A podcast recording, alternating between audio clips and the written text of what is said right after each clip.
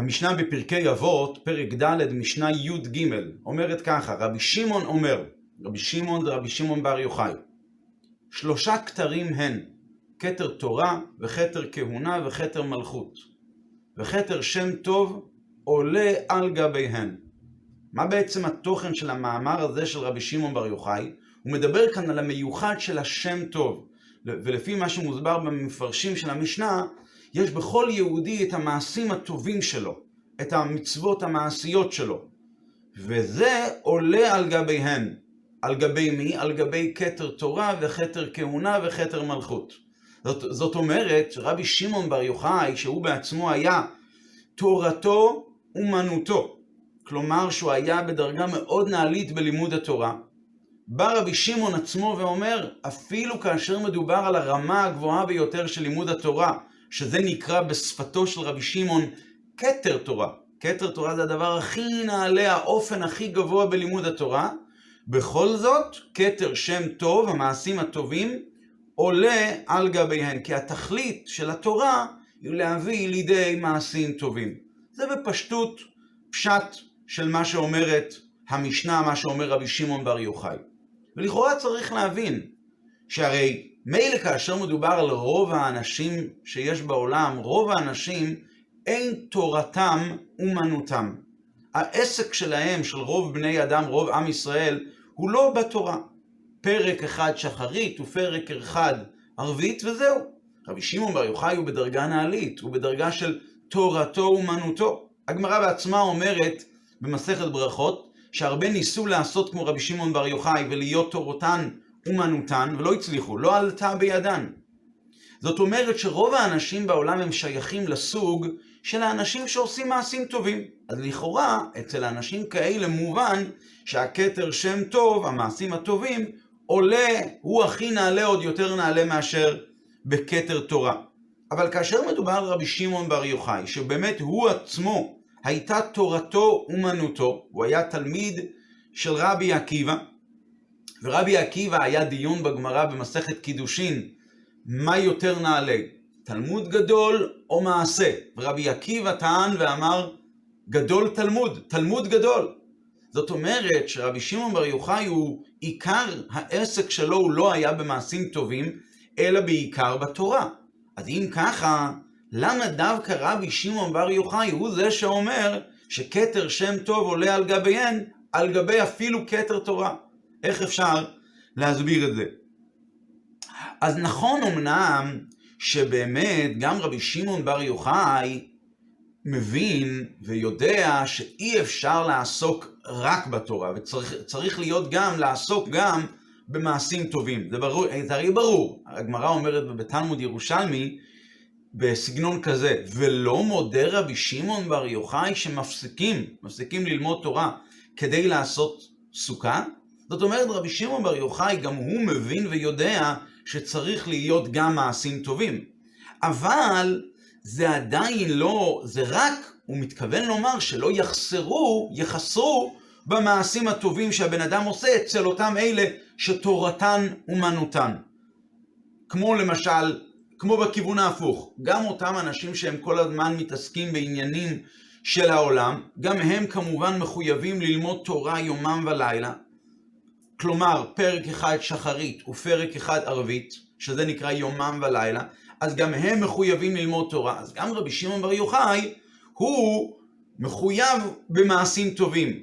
אבל למה שנאמר שאצל מי שתורתו אומנותו, המעשים הטובים שלו, של תורתו אומנותו, יהיו עוד יותר מאשר לימוד התורה שלו. זה צריך להבין את זה. ומה שאמרנו מקודם, שרבי שמעון בר יוחאי הוא תלמיד של רבי עקיבא, שרבי עקיבא אמר גדול תלמוד, ש... התלמוד הוא גדול, אז כמובן הכוונה של רבי, של רבי עקיבא, שהתלמוד הוא גדול, זה שהתלמוד הוא גדול גם בלי קשר למעשה.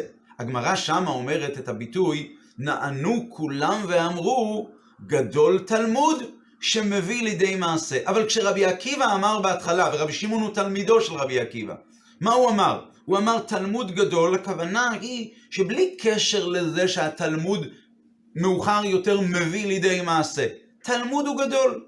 יש המעלה של תלמוד תורה היא מעלה עוד יותר גדולה מאשר שאר המצוות. נכון, אמנם היא לא שקולה כנגד כל המצוות כולם, למה מיוחד בלימוד התורה שזה שקול כנגד כל המצוות? בגלל שזה מביא לידי מעשה. אבל כשרבי שמעון בר יוחאי, שהוא תלמיד של רבי עקיבא, הולך בשיטה של רבי עקיבא שאומר שתלמוד גדול, אז תלמוד גדול.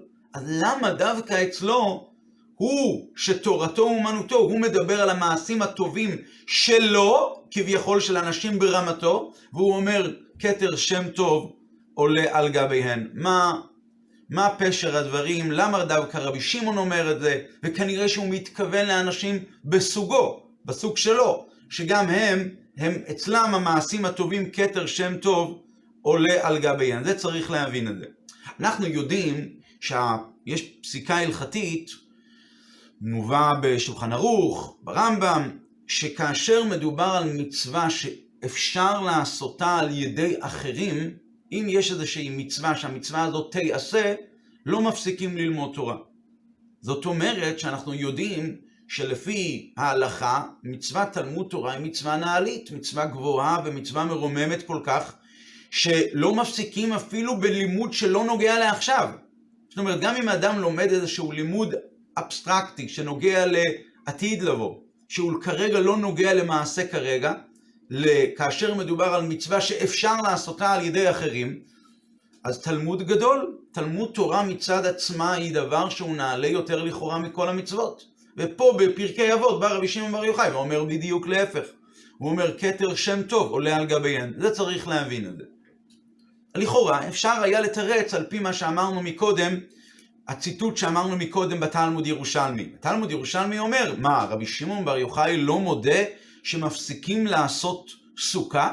אז שמה הגמרא ממשיכה ואומרת את, המ, את המילים האלה, ולית לי לרבי שמעון בר יוחאי, הלומד על מנת לעשות, שהלומד שלא על מנת לעשות נוח לו שלא נברא. כלומר, הגמרא באה ואומרת, מה רבי שמעון בר יוחאי לא מבין, לא סובר, שאם אדם לומד שלא על מנת לעשות, אז עדיף שלא ייברא, נוח לו שלא נברא?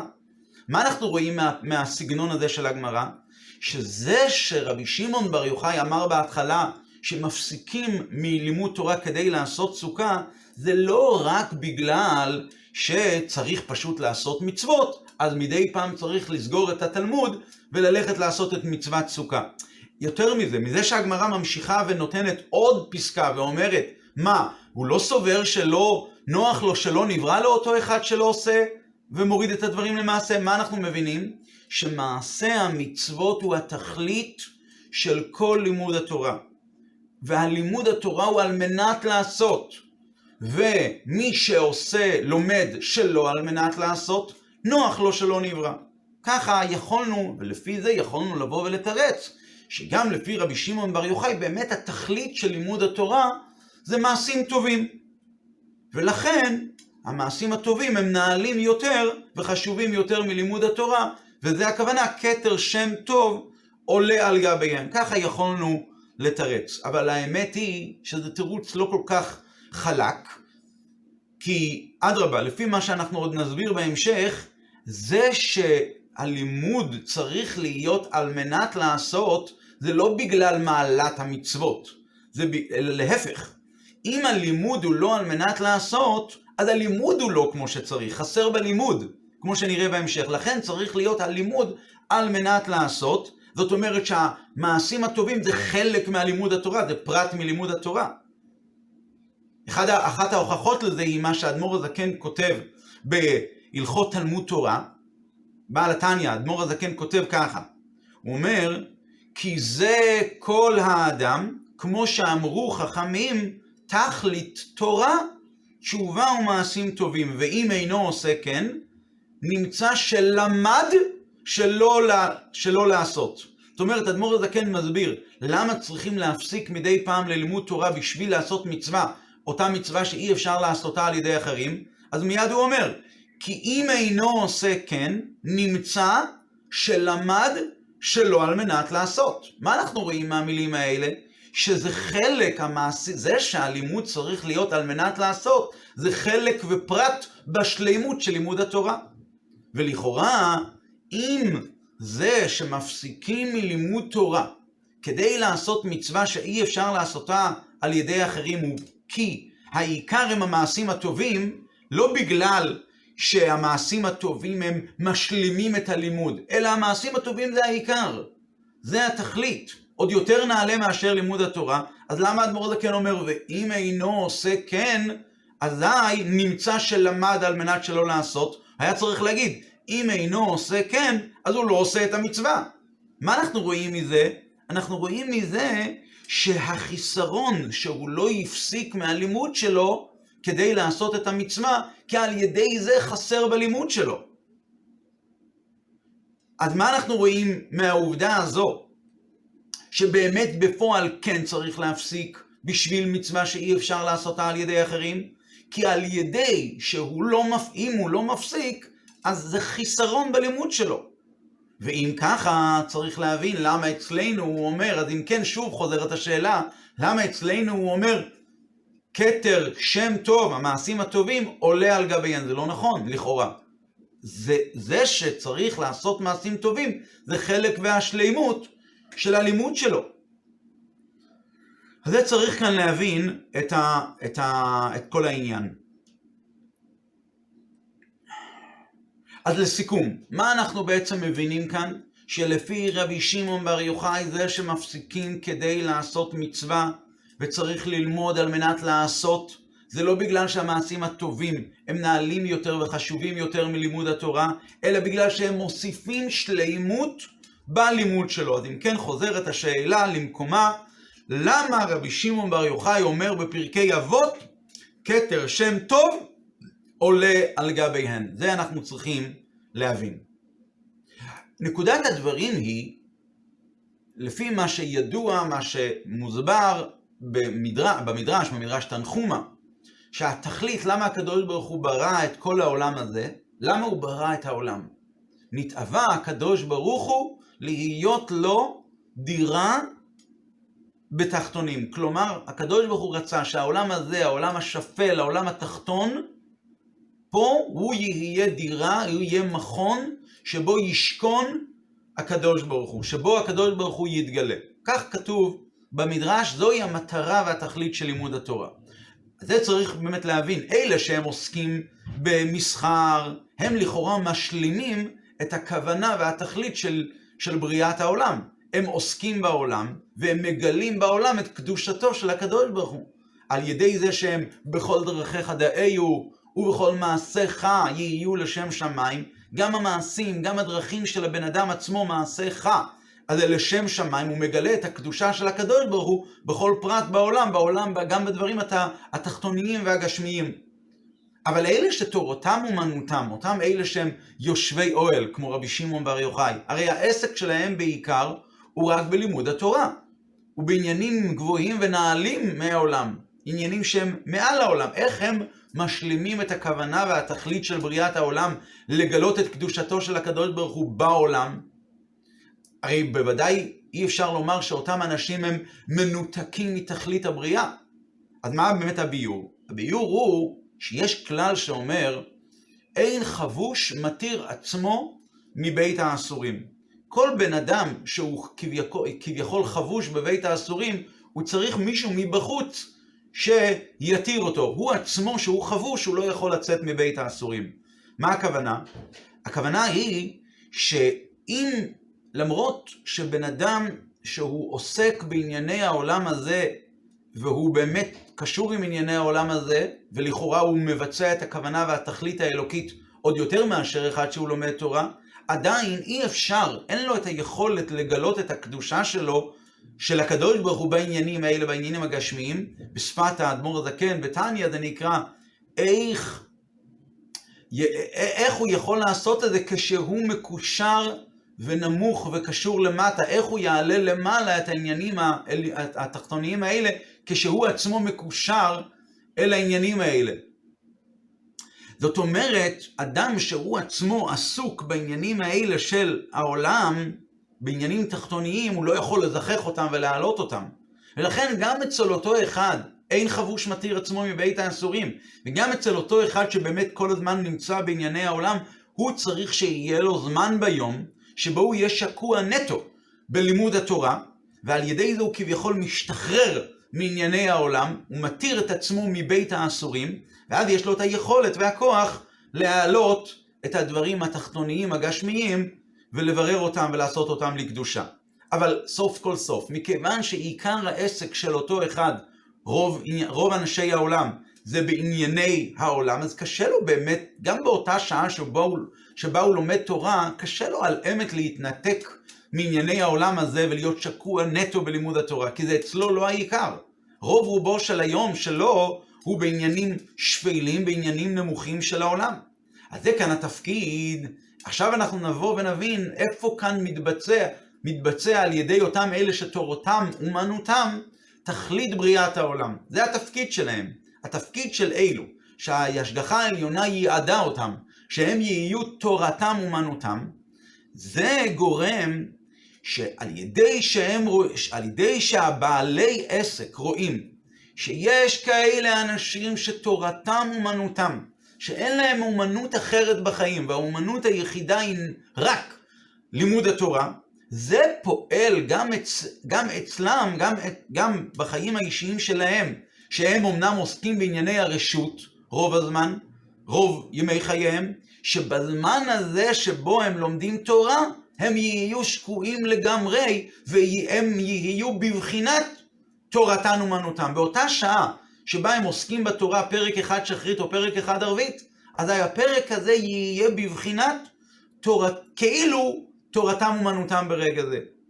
וכדי שאותם אלה יושפעו, אז היושבי אוהל, אותם אנשים, אחד ישפיע על השני, אז גם יושבי אוהל צריכים להתעסק עם אותם אנשים ולהשפיע עליהם. אם אותו אחד שיושב אוהל יהיה שקוע כל הזמן רק רק בלימוד התורה ובעיון בתורה, אז איך הוא יפעול על עצמו, איך הוא יצליח לפעול על עצמו להתנתק מהלימוד הזה ולהשפיע על אנשים אחרים? לכן הוא צריך, זה, זה הולך בשלבים.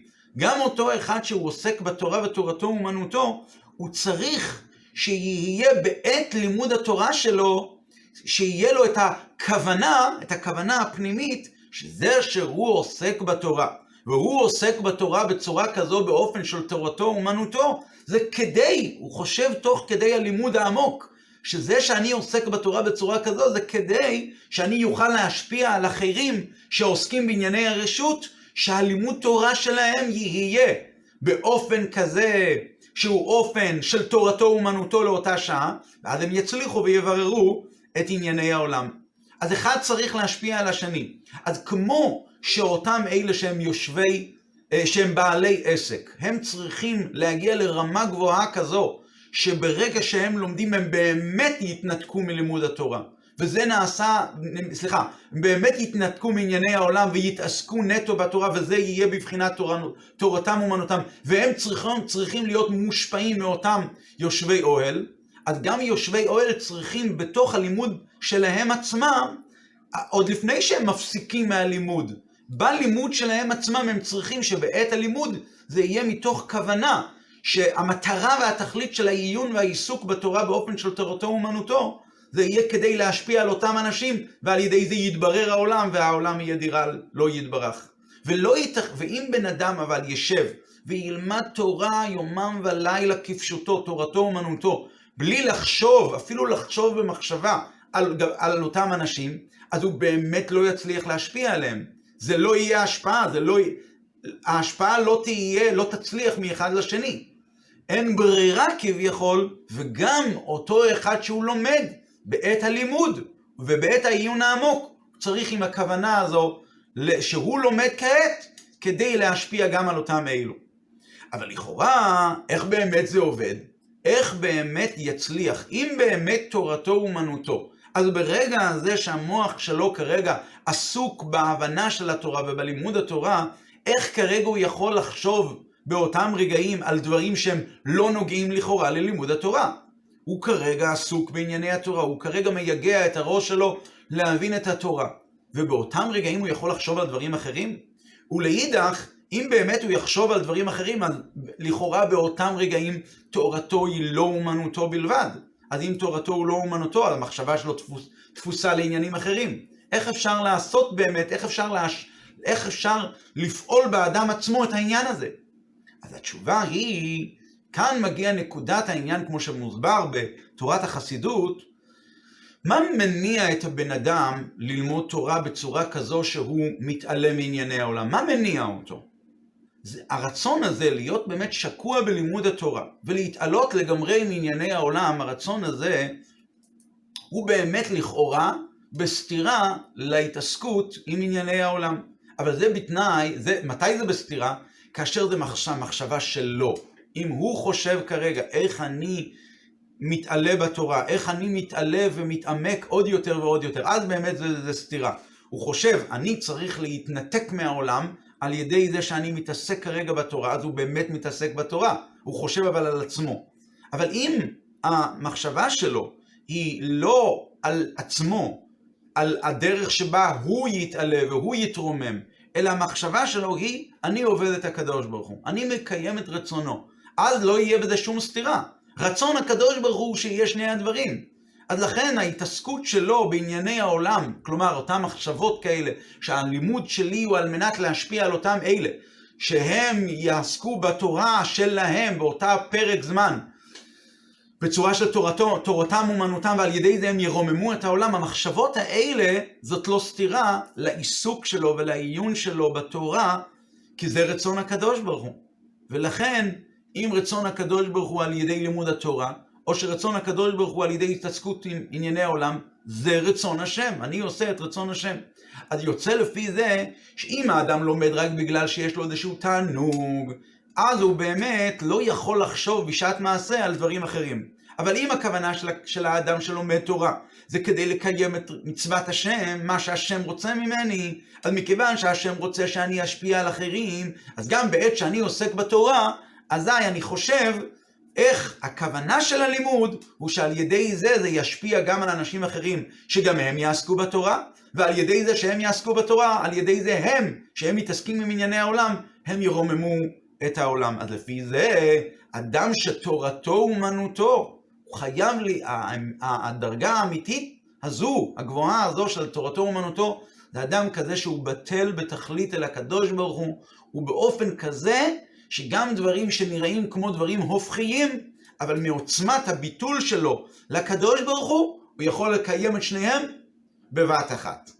ועכשיו אנחנו נבין גם בנוגע לרבי שמעון בר יוחאי, שהוא זה שאומר את המאמר הזה, שכתר שם טוב עולה על גביהם. רבי שמעון בר יוחאי באמת תורתו הייתה אומנותו, אבל מצד עוצם ההתבטלות שלו לקדוש ברוך הוא, הוא היה יכול לחבר את שני העניינים ביחד, אפילו שהם עניינים לכאורה הופכיים לגמרי.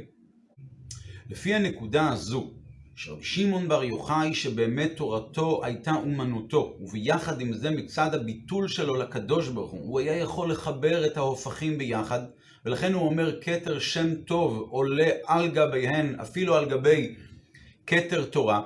אנחנו נוכל להבין את מה שהגמרא מספרת, הסיפור המפורסם על רבי שמעון בר יוחאי במערה, שכאשר הוא ובנו, רבי אלעזר, יצאו מהמערה אחרי 12 שנים, אז הם ראו אנשים שהם מתעסקים בחרישה ובזריעה. אז הוא אמר את המילים האלה, מניחים חיי עולם ועוסקים בחיי שעה? והגמרא מציינת, כל מקום שנותנים עיניהם בו, מיד נשרף. זה היה אחרי השנה ה-12 לשהייה שלהם במערה. ואז הקדוש ברוך הוא אמר, יצא בת קול ואמרה, חזרו למערתכם, ואחרי שנה, בשנה ה-13, בסוף השנה ה-13, אז הם יצאו מהמערה, והגמרא מציינת, כל היכא דהווה מחי רבי אלעזר, הווה מסי רבי שמעון. רבי שמעון היה מרפא את כל המקומות שבהם רבי אלעזר היה ממשיך להכות כביכול במבט עיניו. הוא היה עדיין מקפיד ואומר מניחים חיי עולם ועוסקים בחיי שעה, אבל רבי שמעון בר יוחאי היה מרפא את זה. הוא אמר ככה, אמר לו לבנו, בני, די לעולם אני ואתה. מספיק לעולם עוסקי התורה אני ואתה. ככה נאמר בגמרא. השאלה שנשאלת היא, אפילו אם נאמר שבאמת די לעולם אני ואתה. אבל מה העניין של רבי שמעון לרפות את מה שרבי אלעזר מכה? הרי זה עדיין לא, זה עדיין לא, זה שדי לעולם אני ואתה, זה עדיין לא עוזר לעובדה שאותם אנשים הם מניחים חיי עולם ועוסקים בחיי שעה. אז אחרי הכל רבי אלעזר צודק בגישה שלו.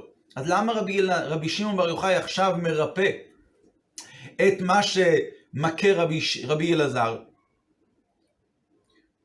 אז התשובה היא, ויתרה מזו, אנחנו רואים לאחר מכן שרבי שמעון בר יוחאי לא רק שמרפא את מה שמכה רבי אלעזר, אלא הוא עוד הולך, הוא מבקש, אה, הוא מבקש מהאנשים, הוא אומר, איכא מילתא דבאי תיקוני, יש איזה מקום שאני יכול לעזור משהו, אני יכול לתקן?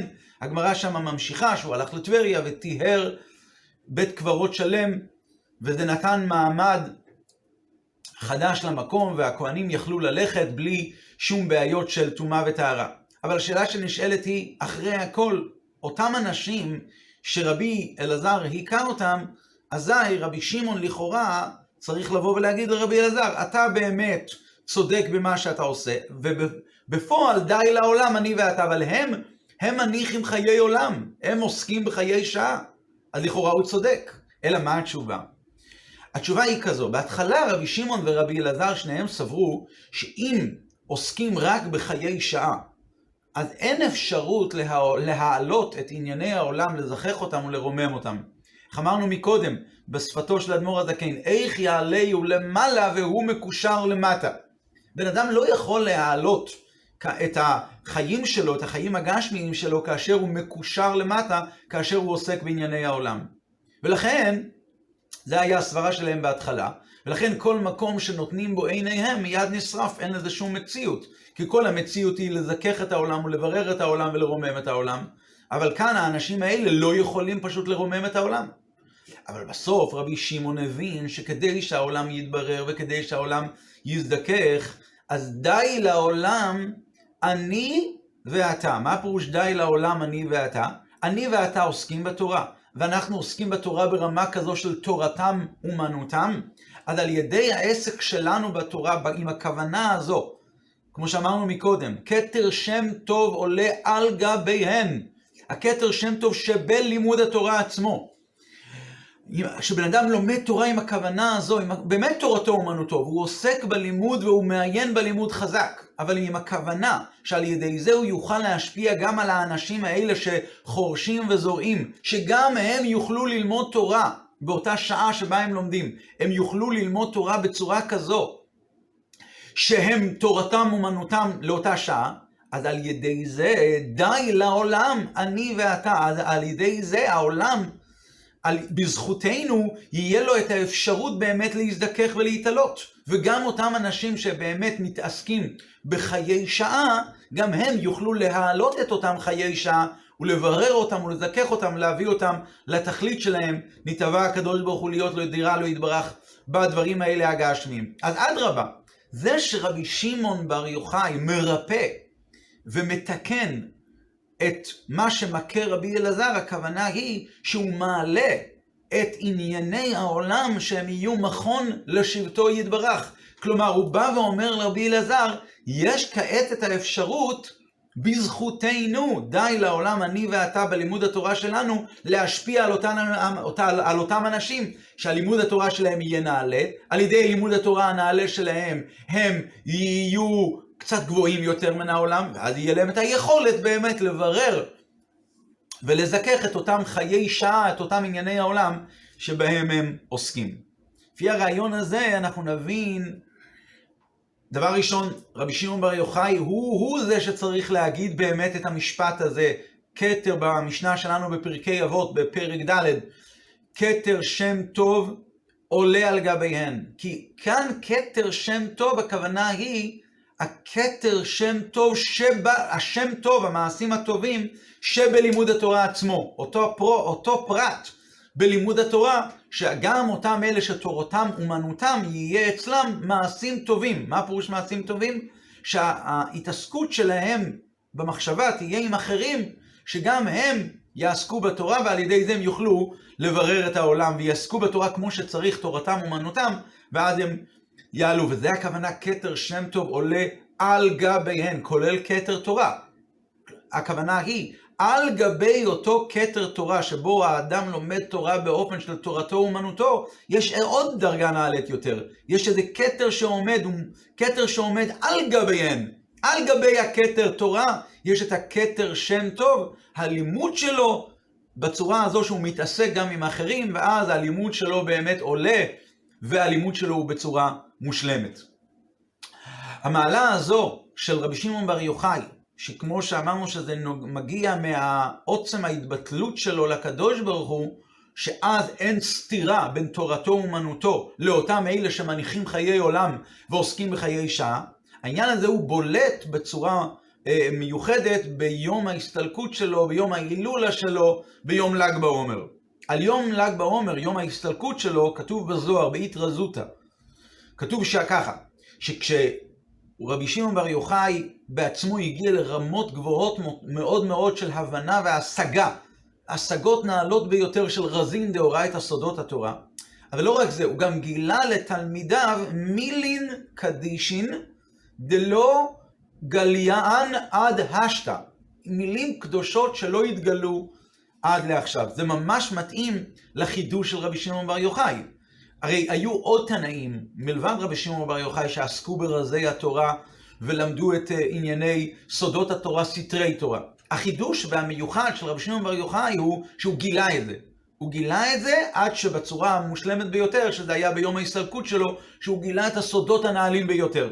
למה זה באמת היה ככה? כי אצל רבי שמעון בר יוחאי היו אותם שני הופכים לא הופכיים בכלל. הסטים דאורייתא, הדברים הסתומים והגליה, הדברים האלה באו לידי גילוי.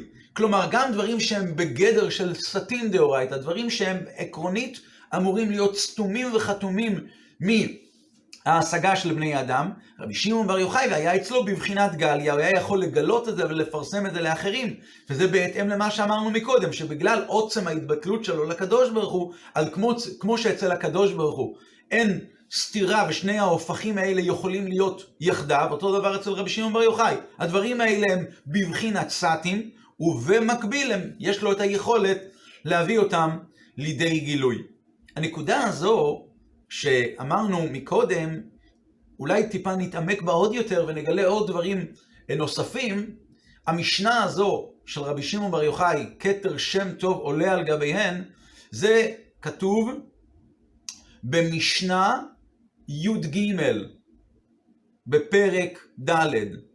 זאת אומרת, דבר מעניין, המשנה היא בפרק ד', ובמשנה י"ג, לא סתם זה היה במשנה י"ג, כי זה מתאים עם הדרגה ה-13, אותה דרגה שהיא נעלית כביכול מן העולם, והיא מתאימה גם לשנה ה-13, שעל ידי, אחרי השנה ה-13, רבי שמעון בר יוחאי הגיע ואמר לרבי אלעזר בנו, די לעולם אני ואתה. יש את האפשרות שעל ידי לימוד התורה שלנו, אנחנו יכולים לפעול בעולם. 12, המספר 12 מסמל את סדר ההשתלשלות. 12 ראשי החודשים, בקבלה יש את המושג של 12 גבולי אלכסון, שזה למעשה מקביל למציאות של העולם, מה למטה, מזרח, מערב, צפון, דרום, והחיבור ביניהם. לא כאן המקום כרגע להסביר, אבל בכל אופן זה גדרי העולם, זה 12. המספר 13 הוא תמיד מסמל את המעל סדר ההשתלשלות. י"ג מידות הרחמים שמשם מגיע הרחמים והסליחה גם למצב כזה של פגיעה כביכול בסדר ההשתלשלות. י"ג זה דרגה מאוד מאוד נעלית, אז לכן המשנה הזו היא בפרק הי"ג, סליחה, במשנה הי"ג, כדי לרמוז שהעניין הזה של כתר שם טוב עולה על גביהן, התקיים לרבי שמעון בר יוחאי אחרי אותם 13 שנה שהוא היה במערה מצד הדרגה ה-13 עליה אמרנו מקודם. לפי הרעיון הזה אנחנו נבין גם את הקשר לפרשת בהר. הרבה שנים ל"ג בעומר בחוץ לארץ, או לפעמים גם בארץ, זה בסמיכות לפרשת בהר. מה התוכן של פרשת בהר? מצד אחד, בפרשה הזו מדברים על עניינים מאוד מאוד נעלים, מאוד מאוד נמוכים. עניינים של ארץ, עניינים של טבע. בפרשה הזו אנחנו לומדים על מצבים אפילו נמוכים של, שבני אדם יורדים אליהם, בני אדם יהודים יורדים אליהם, וכמעט כמעט אה, אה, חוטאים בהם. הגמרא מספרת, התורה מספרת בפרשת אה, בהר על מצוות שמיטה. הקיום של המצוות שמיטה הוא בארץ ישראל. דבר ראשון, מדובר על טבע. ואז יש, התורה אומרת, וכי תאמרו מה נאכל בשנה השביעית. זאת אומרת, יש מצב כזה שיהודי נמצא בתוך הטבע ויש לו כביכול ספיקות, והוא אומר, מה נאכל בשנה השביעית? איך נוכל לקיים את מצוות השמיטה? אחרי זה בעוד פרשיות נוספות בפרשת אה, בהר, וחכמינו אומרים שהפרשיות האלה הן מסודרות לפי סדר של ירידה, ירידה אחרי ירידה. הפרשיות מתחילות לספר על הידרדרות של יהודי שסחר בפירות שביעית, ועל ידי זה הוא כביכול נמכר לגוי, עד שהוא מגיע למצב כזה שהוא נמכר לעקר משפחת גר, שהגמרא מסבירה שהוא פשוט יהודי, שמרוב לחץ בענייני פרנסה, אז הוא מכר את עצמו לעבודת אלילים, להיות שמש לעבודת אלילים. ואז יש מצב כזה שהוא, התורה אומרת, שמה יהיה אם הוא יאמר, הואיל ורבי מגלה עריות, הואיל ורבי, האדון שלי, עובד אלילים, הואיל ורבי מחלל שבת, אף אני אהיה כמותו, אז לכן בתורה נאמר בסוף הפרשה, את שבתותיי תשמורו, אני השם. אבל בכל אופן, המשנה, התורה בפרשת שבוע מתארת מצב של ירידה על גבי ירידה על גבי ירידה. מצד שני, התורה קוראת לפרשה פרשת בהר, בהר סיני, המקום של מתן תורה, המקום שבו בני ישראל היו בשיא ההתעלות שלהם, בשיא ההתרוממות מעל העולם, מעל הארץ, מעל העולם. אבל בפשטות, מה באמת הקשר בין, הכל הכל נמצא בפרשה אחת, פרשת בהר, מה באמת הקשר בין הפרשיות האלה, ואיך הקשר לרבי שמעון בר יוחאי וליום ההילולה שלו ול, ולתפקיד שלו, זה בדיוק העניין. נכון, בפרשה אנחנו אומרים שיהודי נמצא בארץ, יהודי נמצא בטבע, וביחד עם זאת, הוא נמצא בהר סיני. זאת אומרת, אה, דבר ראשון אנחנו לומדים על מצוות השמיטה. מה המשמעות של מצוות השמיטה? שגם יהודי שהוא מתעסק עם עבודת האדמה, גם יהודי שמתעסק עם הארץ, עד כדי כך שבאמת על פי תורה הוא יכול לבוא, הוא עשוי לבוא ולשאול, וכי תאמרו מה נאכל בשנה השביעית, ובכל זאת, מה המסקנה? שבת להשם. אה, וידבר השם על משה בהר סיני, כי תבואו לארץ ושבתה הארץ שבת להשם. נכון, יש את האפשרות כזו שהוא ייפול, ובכל זאת הוא לא עושה את זה. הוא שובת והוא מתמסר להר סיני שבתוכו, לשנה, השבת להשם, הוא מתמסר ללימוד התורה באותה שנה, בלי דאגות, כאילו הוא אחד כזה שתורתו אומנותו, שאין לו שום דאגות מעבר ל, ל, מ, מ, מ, מעבר לשום כיוון, אין לו שום דאגות, מעבר לעובדת אה, ההתעסקות בלימוד התורה, אין לו שום משהו אחר מעבר. זה הדאגות שלו, איך ללמוד את התורה, איך להבין את התורה, איך ללמוד את התורה יותר לעומק ויותר בהשגה. זה הדאגות של היהודי הזה. ולא סתם שבת להשם, לא כתוב שבת ל... לשם, ל, לאלוקים, אלא שבת להוויה, הוויה זה שם שהוא מתאר את המעל הטבע. מה, זאת אומרת שמאיר ומשפיע על אותו יהודי דרגה של שם הוויה.